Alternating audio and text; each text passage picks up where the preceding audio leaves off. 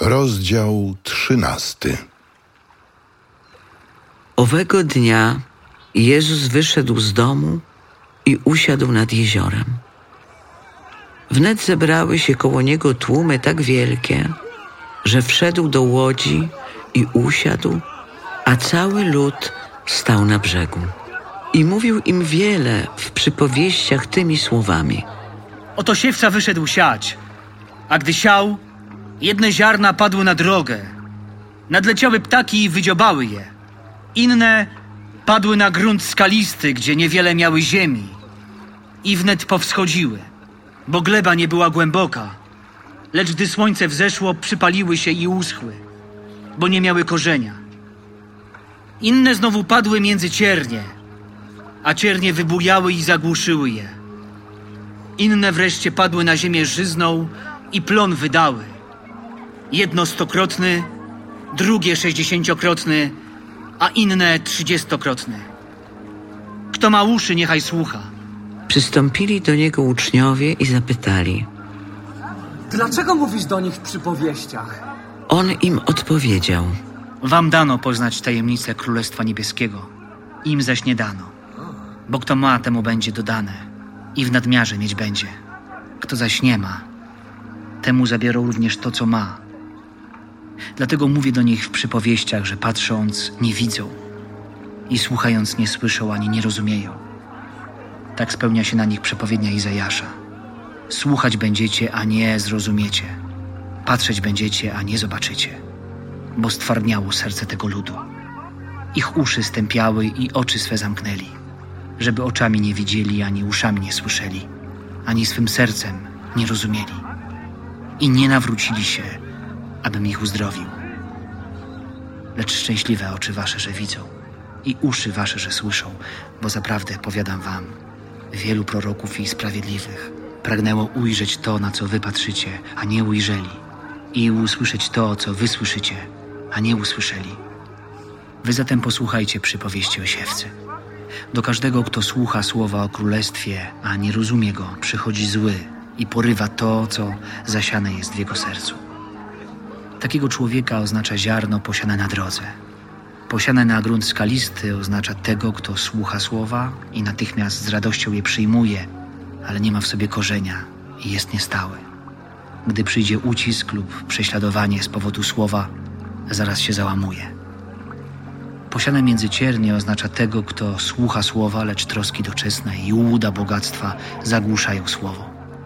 Także zostaje bezowocne. Posiane wreszcie na ziemię żyzną oznacza tego, kto słucha słowa i rozumie je. On też wydaje plon jeden stokrotny, drugi sześćdziesięciokrotny, inny trzydziestokrotny. Przedłożył im inną przypowieść. Królestwo Niebieskie podobne jest do człowieka, który posiał dobre nasienie na swej roli. Lecz gdy ludzie spali, przyszedł jego nieprzyjaciel. Nasiał chwastu między pszenicę i odszedł. A gdy zboże wyrosło i wypuściło kłosy, wtedy pojawił się i chwast. Słudzy gospodarza przyszli i zapytali go: Panie, czy nie posiałeś dobrego nasienia na swej roli? Skąd więc wziął się na niej chwast? Odpowiedział im: Nieprzyjazny człowiek to sprawił. Rzekli mu słudzy: Chcesz więc, żebyśmy poszli i zabrali go? A on im odrzekł: Nie, byście zbierając chwast nie wyrwali razem z nimi pszenicy. Pozwólcie obojgu róść aż do żniwa. A w czasie żniwa powiem żeńcom: Zbierzcie najpierw chwast i powiążcie go w snopki na spalenie. Pszenicę zaś zwieście do mego spichlerza. Przedłożył im inną przypowieść. Królestwo Niebieskie podobne jest do ziarnka gorczycy, które ktoś wziął i posiał na swej roli. Jest ono najmniejsze ze wszystkich nasion, lecz gdy wyrośnie, większe jest od innych jarzyn i staje się drzewem. Także ptaki podniebne przylatują i gnieżdżą się na jego gałęziach. Powiedział im inną przypowieść. Królestwo Niebieskie podobne jest do zaczynu, który pewna kobieta wzięła i włożyła w trzy miary mąki, aż się wszystko zakwasiło. To wszystko mówił Jezus tłumom w przypowieściach, a bez przypowieści nic im nie mówił. Tak miało się spełnić słowo proroka. Otworzę usta w przypowieściach, wypowiem rzeczy ukryte od założenia świata. Wtedy odprawił tłumy i wrócił do domu. Tam przystąpili do niego uczniowie, mówiąc: Wyjaśnij nam przypowieść o chwaście. Tym, który sieje dobre nasienie, jest Syn Człowieczy. Rolą jest świat. Dobrym nasieniem są synowie królestwa, chwastem zaś synowie złego. Nieprzyjacielem, który posiał chwast, jest diabeł. Żniwem jest koniec świata, a żeńcami są aniołowie. Jak więc zbiera się chwast i spala w ogniu, tak będzie przy końcu świata. Syn człowieczy pośle aniołów swoich. Ci zbierą z jego królestwa wszystkie zgorszenia oraz tych, którzy dopuszczają się nieprawości i wrzucą ich w piec rozpalony. Tam będzie płacz i zgrzytanie zębów. Wtedy sprawiedliwi jaśnieć będą jak słońce w królestwie Ojca swego. Kto ma uszy, niechaj słucha. Królestwo niebieskie podobne jest do skarbu ukrytego w roli. Znalazł go pewien człowiek i ukrył ponownie. Uradowany poszedł, sprzedał wszystko, co miał i kupił tę rolę. Dalej podobne jest Królestwo Niebieskie do kupca poszukującego pięknych pereł. Gdy znalazł jedną drogocenną perłę, poszedł, sprzedał wszystko, co miał i kupił ją. Dalej podobne jest Królestwo Niebieskie do sieci, zarzuconej w morze i zagarniającej ryby wszelkiego rodzaju. Gdy się napełniła, wyciągnęli ją na brzeg i usiadłszy, dobre zebrali w naczynia, a złe odrzucili. Tak będzie przy końcu świata. Wyjdą aniołowie, wyłączą złych spośród sprawiedliwych i wrzucą ich w piec rozpalony.